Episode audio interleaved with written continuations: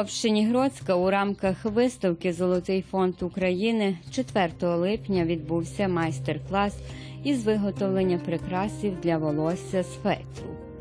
Це третій по ряду майстер-клас. Попередньо відбувалися майстер-клас із виготовлення українських традиційних віночків та українського намиста з тканини.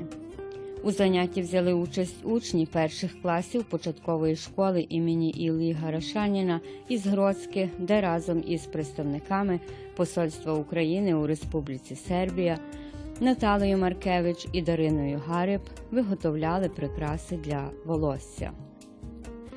Діти відповідально взялися до завдання, і хоч було нелегко, але всі впорались. І наприкінці заняття представили чарівні прикраси для волосся. Pravili smo neki cvetić За кого ти za mame. Šta si ti pravila ovdje danas? E, cvet. Kako izgleda taj cvjetić? Kakve boje si ti iskoristila? E, ljubičastu i zelenu. Za koga si napravila cvjetić? Za mamu. Za koga si napravila cvjetić? Za moju siku. Kako izgleda tvoj cvjetić? Ima plavu i zelenu boju. Ja sam prvi razred i mi smo pravili ukras za kosu. Kako izgleda tvoj ukras za kosu? Ovako. Koje si ti boje upotrijebila? Kako izgleda? Pa naranđastu, žutu i ljubičastu, belu, roze i zelenu boju. I za koga, komu ćeš pokloniti ovaj ukras? Za moju sestru. Šta si ti pravila? Teško je bilo da napraviš? Ne. Nije bilo teško. Kako ti je bilo na radionici danas? Odlično. U koji razred ti ideš? U prvi. Ja sam pravila danas cvetiće za kosu i bilo je lepo i svidjelo mi se. Koje boje je tvoj cvjetić ispao? E, naranđaste i žute. Je teško? Šta znači žuta boja? E, sunce. Kako je li teško je bilo napraviti cvjetić? Nije, lako je bilo. Danas sam pravila ovaj, o, ove ukrase za kosu i jako mi se svidjelo i, i mnogo mi se svidjelo i, i htjela bi da dođem opet ovdje. Pravila sam ovakav cvetić. Sada ću da idem da stavim ovo. Gdje ćeš koristiti ovaj cvjetić svoj? Na, na kosu. Ovako će to izgledati. Kako ti je bilo na radionici? Super. Hoćeš ponovo doći? Da. A u koji razred ti ideš? Prvi. У занятті взяли участь і голова міської общини Гроцька Живадинка Аврамович, і член общинського органу, відповідальний за освіту Живадин Мітрич та вчителі. Під час занять діти не тільки виготовляли різноманітні прикраси, але вивчили основні українські символи та традиції. Сьогодні було третій е, завершальний е, мастер-клас. Сьогодні ми також робили прикраси для волосся, прикраси для жінок. Е, Робили дітки, знову ж першокласники, прикраси для волосся у вигляді квіток з фетру. А також вони мали можливість, оскільки це все-таки наш останній мастер-клас, отримати подаруночки. Це різні прикраси для волосся з квітів з шовку. Е, Діти були дуже талановиті, е, багато чого навчилися. Я сподіваюся, що не тільки запам'ятали щось цікаве про Україну, от, але і навчилися щось робити своїми руками, і це їх зацікавить в подальшому також ходити на різні майстер-класи і щось робити самим. Звичайно, це вже дітки, які не вперше до нас приходять на майстер-клас, і було дуже приємно чути, як вони вибирали кольори для своїх квітів, відповідно до тієї символіки, до того, що означають ці кольори і що вони хочуть побажати тим людям, для яких вони робили. Особливо було приємно, коли навіть хлопчики вибирали спеціальні кольори, підбирали для своїх мам і для своїх сестер. Заняття пройшли в приємній атмосфері. Діти виявили неабияку зацікавленість, і наприкінці у всіх залишилися приємні спогади. Ми надзвичайно задоволені. Ми дуже вдячні е, самій общині Гродська, е, які власне виступили з ідеєю проведення майстер-класів. Ми вважаємо, що це просто чудова ідея і найкращий спосіб е, показати е, гродський українську культуру, е, захопити їх нашої культури, можливо, зацікавити, що вони приїхали в Україну. Ми також задоволені самою виставкою і зацікавленістю, яку викликала ця виставка. Сподіваємося, що в подальшому ми будемо продовжити цю добру традицію. А з самою общиною Гродська матиме ще багато цікавих проєктів. Організатор цих цікавих занять для дітей Посольство України у Сербії у співпраці із міською общиною Гродська.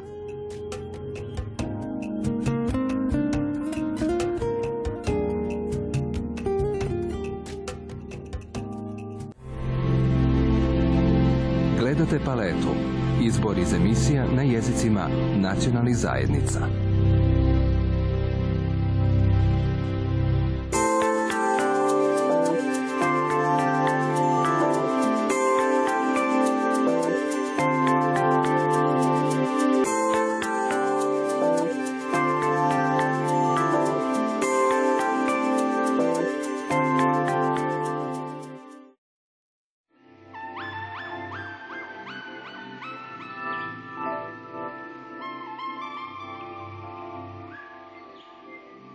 Кажуть, що Михайло Коцюбинський, відомий український письменник, любив квіти.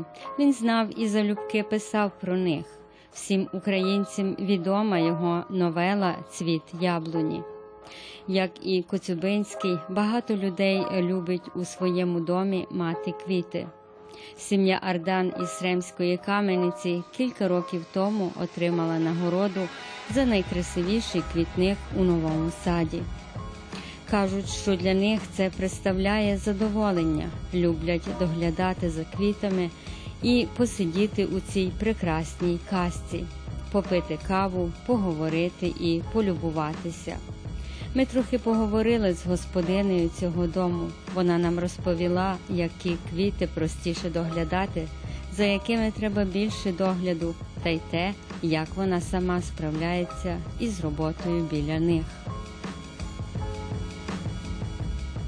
Ja svoju baštu uređujem za sebe, za svoje zadovoljstvo, mislim i svoje porodice, jel? Tako da ovaj, jako volim cveće i uživam u njemu. To me ispunjava i ovaj, uglavnom e, jutarnje obaveze, znači posle ustajanja, pijenja čaja, doručka i tako, ja silazim u baštu i čupkam.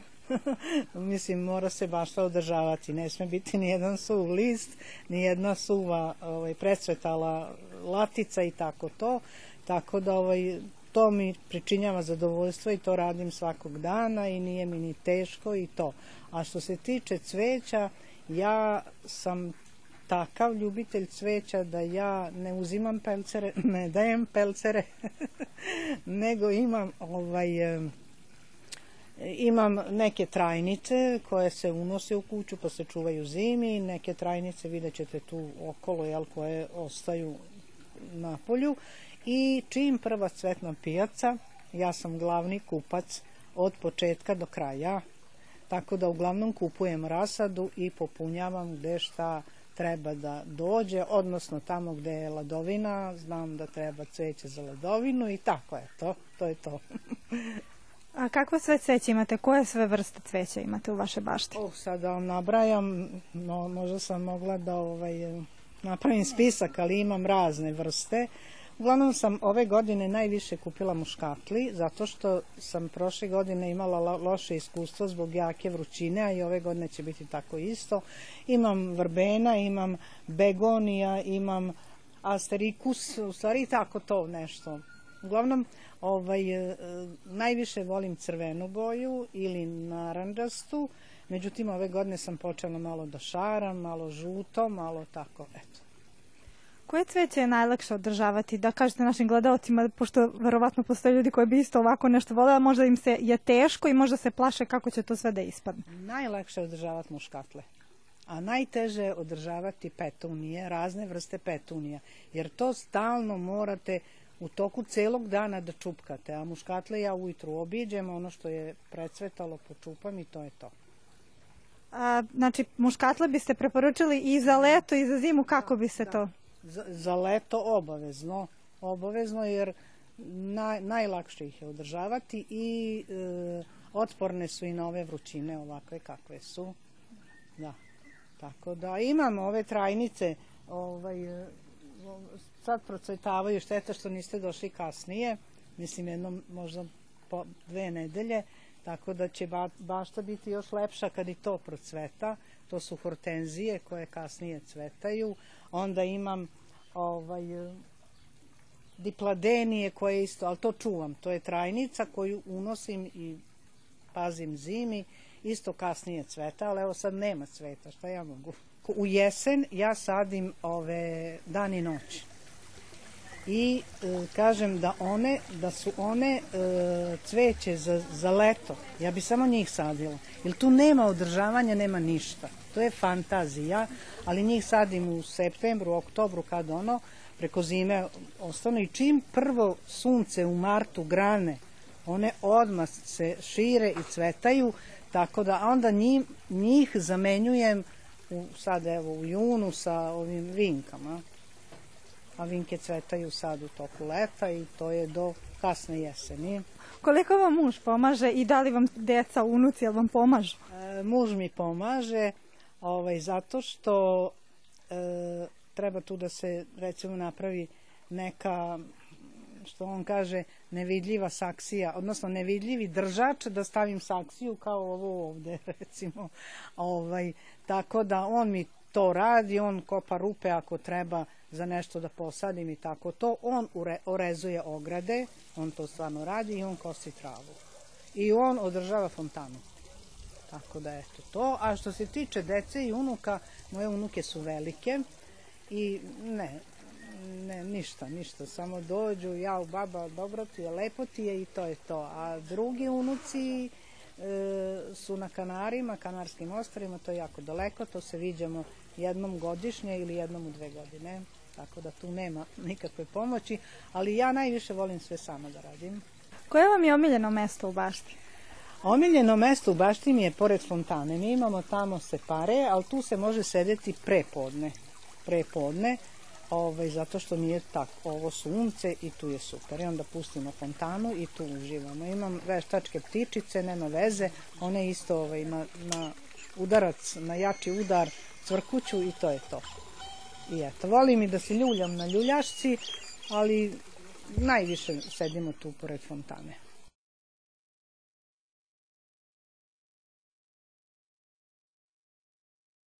Господар цього дому Петро Ардан нам трохи розказав, скільки він допомагає своїй дружині у цьому квітковому раю. Скільки ви допомагаєте? А слухайте, я мушу допомагати. Хотів, не хотів. Знаєте, як не помажеш, он допомагає. Зараз проблеми. Я, я люблю тісто, квітки. І кожен раз я буду консультувати, знаю, що ліпше. Було і мені, і мені файно. Я люблю червону бою, білу, синю, а вона може і шуцьму росте, і таке, во, і таке. во. А я опитаю, не буде, не буде. Помагає доста, доста помагає. Треба щось може вона зробити, а щось не може. Наприклад, е, обстрижити того загороду, а онда покусити траву, а зробити того, видите, то треба зробити і так далі. Доста музики, роботу я роблю. Е, то, то. А який ваш улюблений куток тут у в саду? Чи маєте? Знаєте, я, маю, я люблю того дивлі Я, каже, не може ніхто запатити, сказав, то не може. сі. А я кажу, я можу. Що ви, я сі злапаю, то він мусить не стати. І я з- зробив від скорене трохи і посадив і примилось. Воно велике вийшло перед зо. І люблю, люблю, я більше люблю в оці овець. a to by ja volio byl tepер na землі, бо що мої родини робили на землі. Е, то і то. Ми трохи повернули у минуле, поговорили про українські товариства тут, у Сербії, і дізналися, скільки пану Петру це представляє задоволення. Говорили про музику, про те, що їх робить щасливими, і що вони люблять робити разом. Роблю що то, що люблю. Люблю цвітки, ту допомагаю жінці і щось я зроблю, що, що треба зробити. Коло хати все є, що робити. А як ніц не роблю, мене Віктор Зубко казав, ти слікай. Бо я слікаю, але ніц не здали. Само ти слікай. Як ти помреш, то буде ремек дело. Все. Сались він зо мною, я з ним. Так моє цілий день попутний. Ні мені досадно. Заважаємо е, то, що мої приятелі вже не стали. Не стали. Е, Тим молодшим не можу. Не маємо заєднички старих, старших нема. І так далі. То є моя одна слаба тачка. І я більше сказав, як мав славу, то була куна, куна хата, а тепер маю столи на дворі, на дворі. Так що то є то. Мені драго, нас українців є мало тут, в ціло, в Srbiji, u Vojvodini, oko 2000. Ali drago mi je, jak smo distale svoje, što kažu, nacionalno priznanje, kao nacionalna manjina, ovaj, je, na, je nas bahaća. Kulturno-američka društva, там всі збирають, гуляють. Я був в Індії в дружбу, там і Сербія, і другі приходять, і всі заедно співають українське. Так що о, мені драго, що ті люди тепер є багаті. Ja zimi imam i u kući cveća, da uđete unutra, ja sam sva u zelenilu, tako da ima i tu isto da se zaliva i da se pazi. Onda ovo što se unese cveće, isto tako mora da se posmatra, da se vidi kako reaguje, da li treba isto tako počupati ako nešto otpadne i tako to. I pored toga gledam televiziju i čitam knjige. To je to, ja ništa drugo. I k- kartama se obavezno, mi smo se jako zarazili nas dvoje s kartama, to nam čini zadovoljstvo i onda brzo prođe dan. Prvo i prvo kao penzioneri mi kasnije ustajemo, dok popijemo čaj, dok doručkujemo, dok mislim, otkartamo se, jeli, onda ko mora neko pobediti, ne može biti da, da ostane nerešeno. Tako da, eto, to je zimi, zimi je kratak dan, družimo se, odemo kod prijatelja, kod rodbine u Petrovaradin i dođu i oni nama i to nam je dan. Tako idu dani. Сім'ї Ардан бажаємо здоров'я і щоб ще багато років мали таке гарне подвір'я і насолоджувалися у його красі.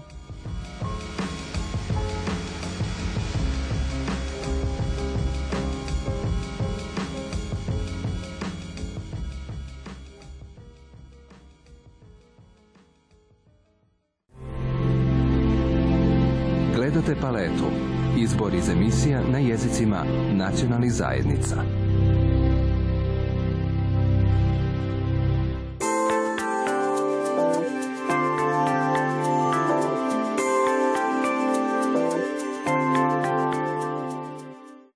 Урочисте відкриття і дефіле учасників третього купу Буядин Бошков відбулося 7 червня на центральній сцені на Штранді. На турнірі брали участь 2500 дітей у п'яти вікових категоріях і грали у 160 екіпах. Турнір організував футбольний клуб Воєводина із допомогою міста Новий Сад. Drago nam je da evo danas je treći kup u Vojvodini Boškov koji se organizuje evo unazad tri godine i ovo je u ovih tri godine po posjećenosti što se tiče država. Mi ovdje imamo 18 država iz Europe, Azije i Australije. Dakle, okupili smo decu sa tri kontinenta. Deca su uglavnom godišta 2007. do 2011. Tu imamo futbolski klub Minaj iz Ukrajine. O, Drago, drago nam je da su tu i došlo nekih 40 dečaka, sad naravno sa trenerima. I kažem, prvjetno smo iznenađeni da smo i Ukrajini po- počeli polako, da imamo prijatelje sa kojima možemo da sarađujemo i da mi odlazimo kod njih, kao- naravno da koji ne dolaze kao, kod nas kao što su sad to uradili. Svaki naš gost dobija određene poklone, najbolji ekipe turnire, najbolji pojedinci dobijaju naravno pehare, medalje, neke plakete, ima tu još neki radni poklona u sportskoj opremi, tako da pokušavamo, kažem, sa svih strana da im omogućimo da nešto što je ovde da bude jedinstveno i za njih i da oni prenesu ta iskustva u svoje gradove, u svojim klubovima, pa se nadamo da ćemo sledeće godine imati još više gostiju. Ovo je nešto što je već postalo prepoznatljivo za grad, prepoznatljivo za našu, za našu regiju, mi dosta putujemo, mi dosta posećujemo naših prijatelja i normalno i da mi kao pravi domaćini njima omogućimo da budu naši gosti. Mi smo imali e, sa starijim generacijama iskustva u, za turniru u Ukrajini, međutim e, sa ovim malim dečacima još nismo bili. Tako da nadamo se da ćemo nekom vrlo budućem periodu, vrlo skorom budućem periodu posjetiti Ukrajinu sa tim malim dečacima. Ovo njima odlična prilika da se prvenstveno druže i da uživaju u futbol, jer ovim godinama oni mogu samo da uživaju i to treba da rade, ne treba prioritet da im bude rezultat ili neka, neki pritisak druge vrste. Samo treba da uživaju, da igraju i da steču prijatelje, stiču prijatelje. Bilo je dosta takvih turnira međunarodnih i to je uvek lepo iskustvo, naravno. Svi vole da osvoje neko od prva tri mesta, naravno posebno prvo, ali kažem, samo treba uživati u tim mlađim kategorijama, ništa više. Це третій куб Воядин Бошко, який організовується вже три роки. Учасники з 18 країн із Європи, Азії, Австралії. Діти віку народження від 2007 до 2011. І перший раз футбольний клуб Мінай із України. Участь брало 40 хлопчиків, які були разом із своїми тренерами.